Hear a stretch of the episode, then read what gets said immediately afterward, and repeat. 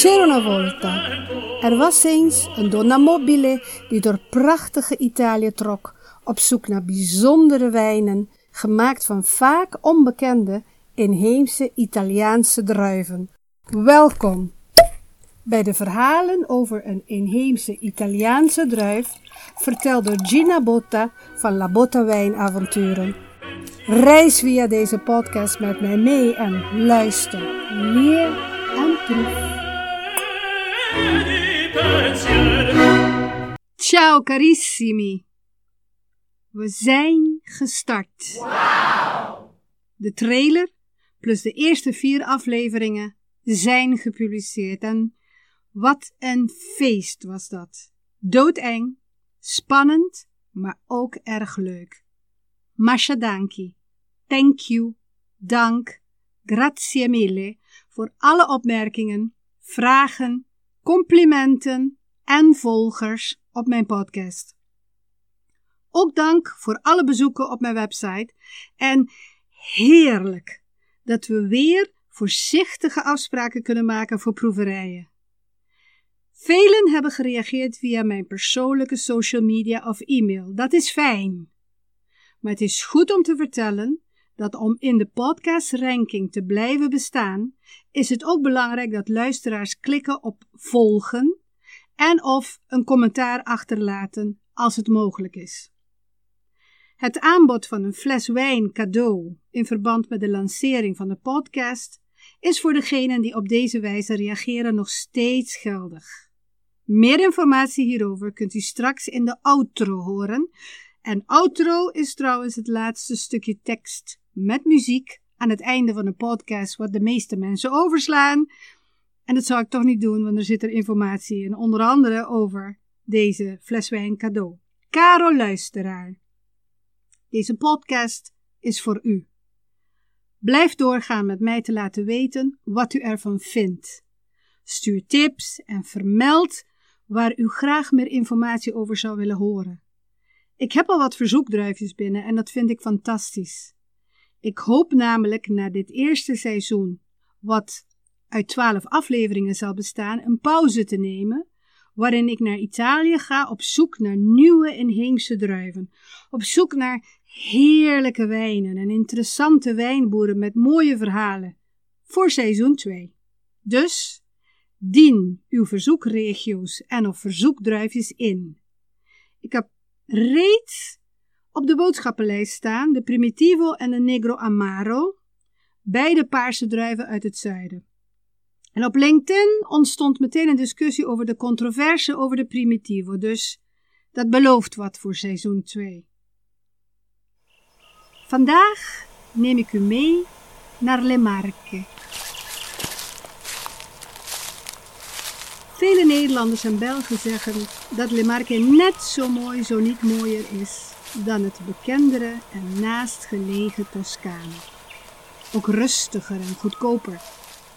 Le Marche is zeker de moeite waard om te bezoeken. Het heeft bergen en heuvels behorende bij de Apennijnen, dat is de bergketen die als een wervelkolom van noord naar zuid loopt door heel Italië. Het heeft rivieren, bossen, grotten en een kustlijn aan de oostelijke kant aan de Adriatische Zee. In Le Marche vinden we ook interessante oude steden met prachtige architectuur, kunst en geschiedenis, gezellige marktjes, zoals Urbino en Fabriano.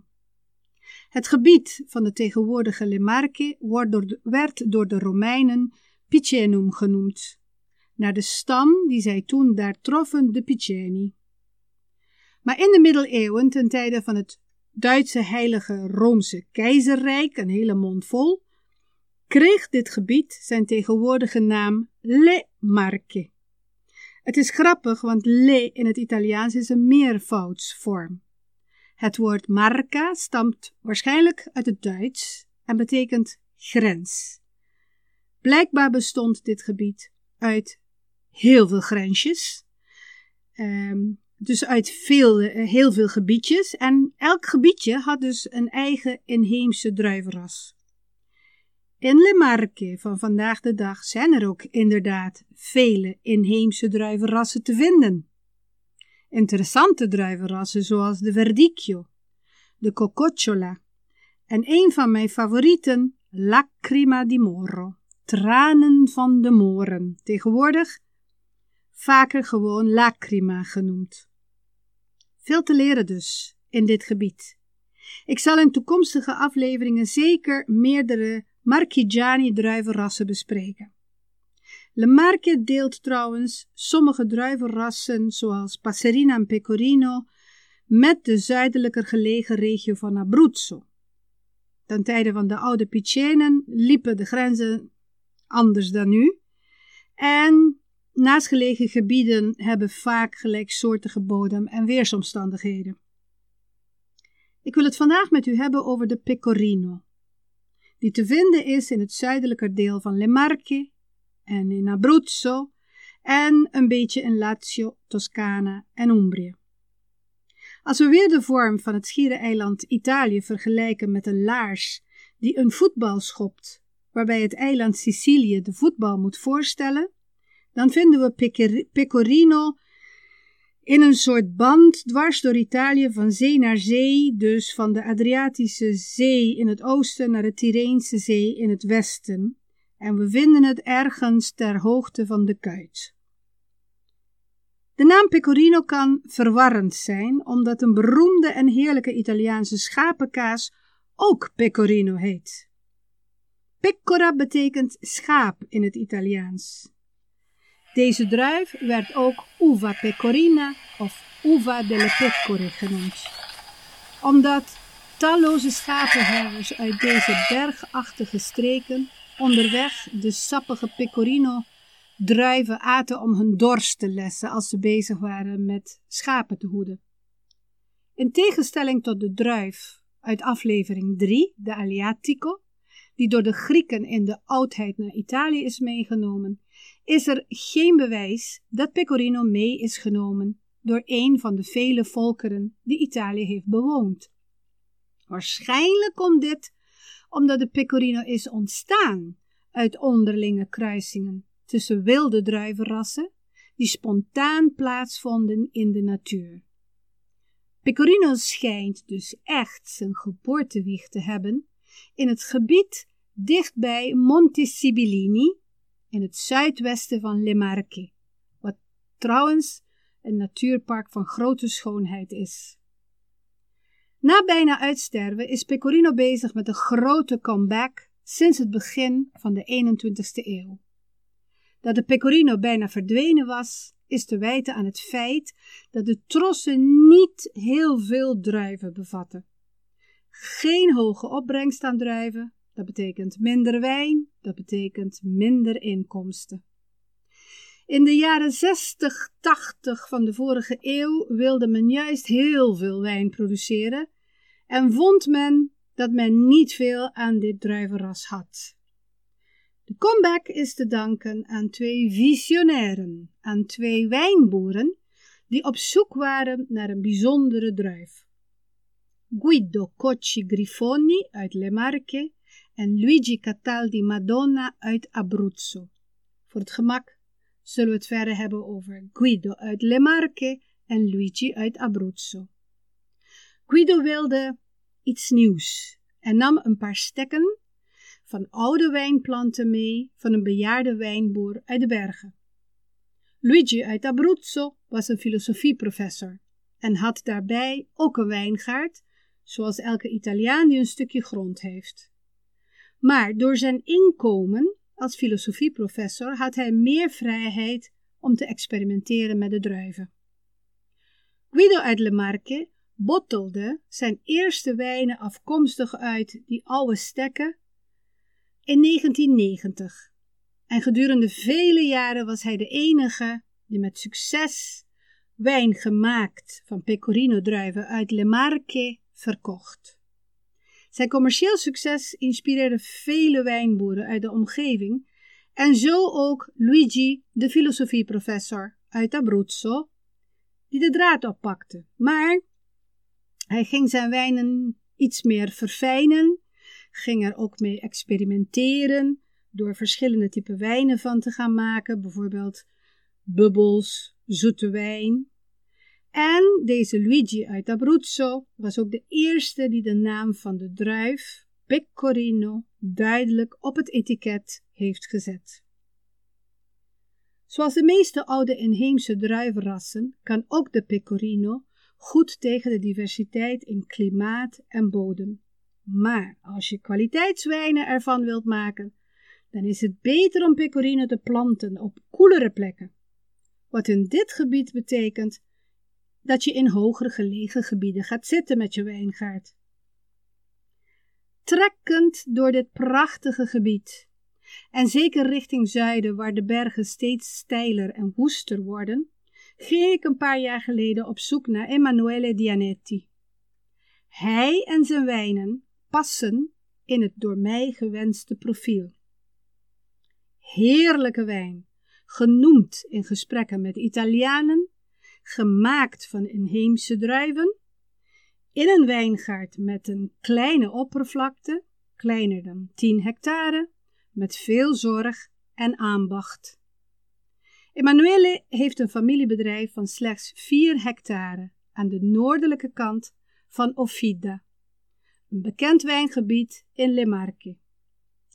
Wellicht heeft u ooit gehoord van DOC-wijn of DOC, zoals het ook genoemd wordt? Misschien heeft u op flessen Italiaanse wijn DOC zien staan, of IGT of DOCG. Dat zijn kwaliteitsaanduidingen, kwaliteitsindicaties. De EU regelt de standaardisatie van de wijnindustrie in alle deelstaten en dat doet hij in overeenstemming met de standaardisatie van de Wereldhandelorganisatie. Om u alle details te besparen, kunnen we ruwweg zeggen dat Italië vier categorieën wijnen heeft: de landelijke wijnen, de IGT-wijnen, de DOC en de DOCG-wijnen. Hoe meer je in de richting van de DOCG-kwalificatie komt, hoe strenger de regels over waar de druiven vandaan komen en over hoe en waar de wijn gemaakt dient te worden, waardoor u als consument van een bepaalde kwaliteit en prijs kunt uitgaan. Een stukje aarde waar de natuurlijke omstandigheden voor het groeien van een bepaalde druivenras optimaal zijn en waar de kennis en ervaring in het maken van een wijntype aanwezig zijn, wordt op deze manier beschermd. Daar zijn er allemaal wetten voor. Denk aan de bescherming, uh, bekend van de bekende bescherming van druivenrassen, de bubbels, en het gebied van Champagne in Noord-Frankrijk.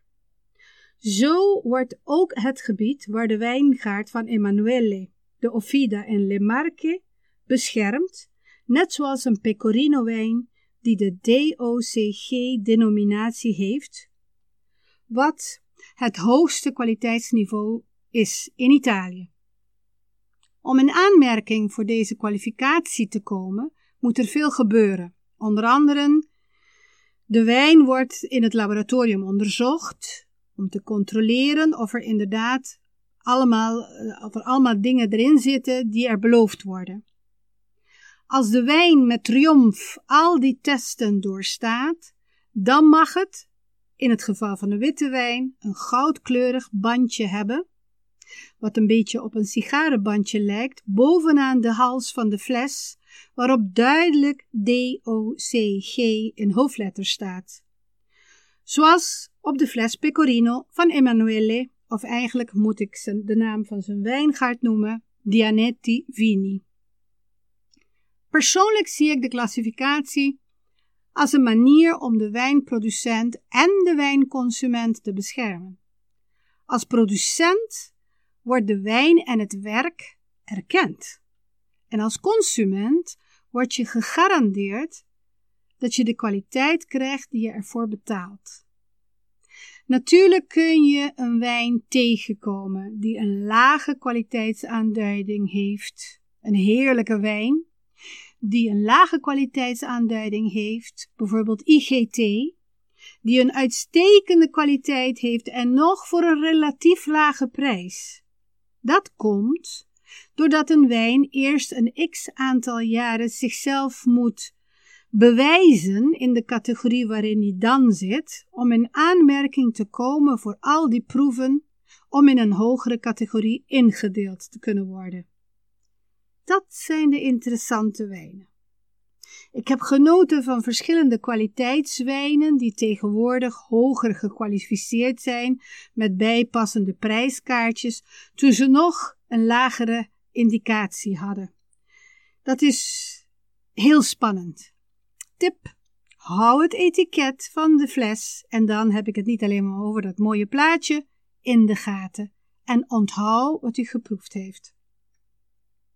De wijngaard van Emanuele was de eerste keer niet makkelijk te vinden.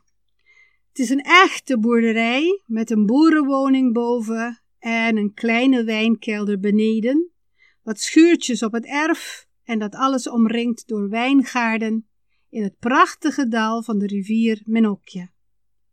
Emanuele was toen samen met zijn moeder bezig met de Campione. Fare il Campione betekent in het Italiaans monsters nemen. Dat heb ik vaak met Marta van Piedicolli gedaan. Dat is het random druiven plukken, vlak voor de oogst, om de rijpheid van de druiven te onderzoeken, om zo een geschikt oogstmoment te kunnen bepalen. Er zijn vele manieren om de rijpheid van de druiven te onderzoeken. Allereerst, de meest simpele, als je elke dag een wandeling maakt door de wijngaarden, dan zie je de plant en de druiven veranderen. En dan heb je best wel een goed idee van uh, de kleur. De kleur vertelt je dan al veel. Maar al lopend door de wijngaard kun je ook de druiven proeven. En dit is om een idee te krijgen van de verhouding zoet, zuur en bitter. Je kunt ook kijken naar de kleur van de pitjes en ook in de pitjes bijten. Je kunt ook een druif fijn persen tussen je vingers en het sap tegen het licht bekijken door een instrument wat we noemen refractometer. Dit geeft een beeld over de hoeveelheid suiker die aanwezig is in de druif. Maar als je als wijnboer preciezere gegevens wilt hebben over meerdere indicatoren van rijpheid van de druiven, dan dien je een campione te maken, waarbij je door scheikundige bepalingen preciezere gegevens krijgt. De campione, wat eigenlijk dus uh, die at random druiven uh, geperst en dan krijg je dus een, een, een druivensap, dat noemen we dan de campione, een monster. Dat kun je brengen naar wijnlaboratoria die meestal in alle wijnregio's te vinden zijn. Of je kunt zelf in je wijnkelder een paar scheikundige proefjes uitvoeren met die druivensap. Emanuele en zijn moeder waren dus bezig met de Campione, omdat de pecorino bijna zover was om geoogst te worden. De verwachting was dat ze de daaropvolgende week de pecorino binnen konden halen. Maar er waren zorgen over voorspellingen van slecht weer met mogelijke hagelbuien. Emanuele deed elke dag een campione, zodat ze precies zouden weten, zodat ze precies konden weten wat ze in de druiven hebben. Om in staat te kunnen zijn om op korte termijn een beslissing te kunnen nemen, mocht het nodig zijn. Ik mocht een beetje van de campione proeven. Eigenlijk dus die druivensap. En ik kon de zorgen van Emanuele proeven. Ik ben geen expert, maar ik kon ook proeven dat de druiven een iets minder scherpe zuur moesten hebben. Ze hadden die extra dagen zonlicht om een wat rondere druivensap te krijgen echt nodig. Terwijl ik pieker over hoe een oost en het harde werken van het afgelopen jaar zomaar kan verdwijnen door een hagelbui, botste ik bijna tegen de oude grootmoeder van Emanuele, die op een koel schaduwrijk plekje bij de deur zat. Ik herinner me dat ze me heel vriendelijk en nieuwsgierig aankeek, maar dat ze geen moment ophield met de kralen van de rozenkrans door haar pezige vingers te laten glijden. Misschien was ze voor beter weer aan het bidden. Ik herinner me ook dat er op het voetbal, dat er op het erf uh, het zoontje van Emanuele aan het voetballen waren, die daarna zijn zio, zijn oom, tegemoet rende, toen zijn oom het, ver, het erf op kwam rijden. En ik dacht, jep, een echte familiebedrijf. Ten tijde van zijn vader was het een gewone boerderij met fruitbomen en druiven, maar voor eigen gebruik. Onder Emanuele is het overgegaan naar druiven voor de productie van wijnen. Hij vertelt me dat hij jaren bezig is geweest om deze overgang te kunnen maken, ook bij zichzelf.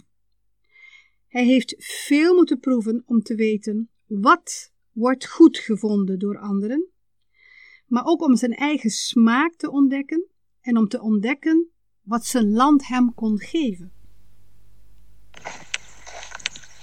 Ciao Gina, Emanuele, Ciao Emanuele. dall'Italia. Sono proprio adesso sto passeggiando in mezzo ai filari di, di pecorino che eh, sta sbocciando. We gaan op het terras zitten met een prachtig uitzicht. Emanuele wijst naar het dal met de bergen eromheen en vertelt dat het dal als het ware als een trechter fungeert naar zee toe. Overdag, als het warm is op het land, zuigt het dal koele zeewind aan. Daardoor blijft het relatief koel, terwijl het in de zomer behoorlijk heet kan zijn. De zeewind brengt ook kleine druppels zeewater met zich mee, waarin er allerlei stoffen in opgelost zijn, zoals jodium, magnesium en zout. Deze stoffen dalen neer op de aarde, maar ook op de rijpende druiven en gaan direct of indirect mee naar de wijnkelder. Al deze milieufactoren samen, met de eigenschappen van de druivenras en de manier waarop Emanuele zijn wijnen maakt, bepaalt de uniciteit van zijn Pecorino-wijnen. En dat is natuurlijk zo. Voor mij is dat de reden waarom ik wijnen zo interessant vind. Meer dan een heerlijk drankje zit er een heel verhaal achter, wat uit vele onderdelen bestaat en die allemaal bepalend zijn voor hoe de wijn in het glas ruikt, smaakt en hoe het zich in het glas in mijn hand blijft ontwikkelen. Ook belangrijk is hoe de wijn zich blijft ontwikkelen als het ongeopend in de fles bewaard blijft. Want dat de wijn zich ontwikkelt in de ongeopende fles staat vast. Alle wijnen ontwikkelen zich in de ongeopende fles, maar niet alle wijnen ontwikkelen zich ten goede. De verandering van wijn naar azijn is ook ontwikkeling, maar niet een gewenste als het de bedoeling was om een lekker glas wijn te drinken. Men heeft ontdekt dat sommige druivenrassen zich fantastisch kunnen ontwikkelen in glazen flessen. Dus langer liggen in glas, zoals we dat noemen, kan een positieve ontwikkeling tot stand brengen, waardoor de wijnen nog beter smaken. Dit is ook het geval met deze Pecorino Vigna Giulia. Deze wijn kan rustig een paar jaar in glas rusten, waardoor de smaken rijper en voller worden en waardoor je het ook anders kunt gaan paren met eten. Voor de luisteraars die tijdens het beluisteren van deze aflevering ook een fles Pecorino Vigna Giulia uit het assortiment hebben besteld, kan ik adviseren om deze te proeven met de zachte, vette worst of schapenkaas. Omdat de pecorino uit mijn assortiment uit 2019 is, zou het ook spannend zijn om daarbij ook wat stukjes gerookte zalm of paling te proeven, om te ontdekken wat u lekker vindt. Daar gaat het per slot van rekening om. Uw plezier in wijn en eten Speriamo. il pecorino. Sì. Ciao Gina. Ciao Emanuele, ciao. grazie. Ciao caro, ciao. En bij een heerlijke wijn, gemaakt van de inheemse Italiaanse druivenras Pecorino uit Le Marche, met een lekker passend hapje, passen ook mooie woorden. En Emmanuel is een romantische wijnboer en hij drukt zijn liefde voor zijn pecorino, zijn wijn en zijn land op de volgende manier uit, vrij vertaald. Wijn is het liefdesverhaal tussen de aarde, de wijnstok en de mens. Door middel van wijn vertellen we over onszelf, onze afkomst, de waarden die we koesteren en die ons elke dag vergezellen. Voor ons is wijn de realisatie van een droom van vrijheid. De vrijheid om ons uit te kunnen drukken door één te voelen met de natuur. We maken geen wijn. We realiseren de suggestie die verborgen is in de druif. Wijn is een spel op de zintuigen dat explodeert in een sterke emotie om in een herinnering bewaard te worden. Grazie della visita. Meer verhalen en of foto's kunt u vinden in de Wijnavonturenblog op mijn website. Daar kunt u ook podcastwijnen bestellen, zodat u tijdens het beluisteren van een aflevering de bijpassende wijn van inheemse druiven kunt proeven. Luister, leer en proef in uw eigen tijd en in uw eigen omgeving. Om de lancering van de podcast te vieren, kunt u ook door het mailen, door een review achter te laten of nog mooier, door te abonneren op mijn podcast in aanmerking komen voor een fles wijn cadeau. Een cadeau molto speciale voor mijn molto speciale luisteraars. In elk geval, non dimenticare, niet vergeten, we hebben een afspraak staan voor het volgende verhaal over de inheemse Italiaanse druif. Arrivederci.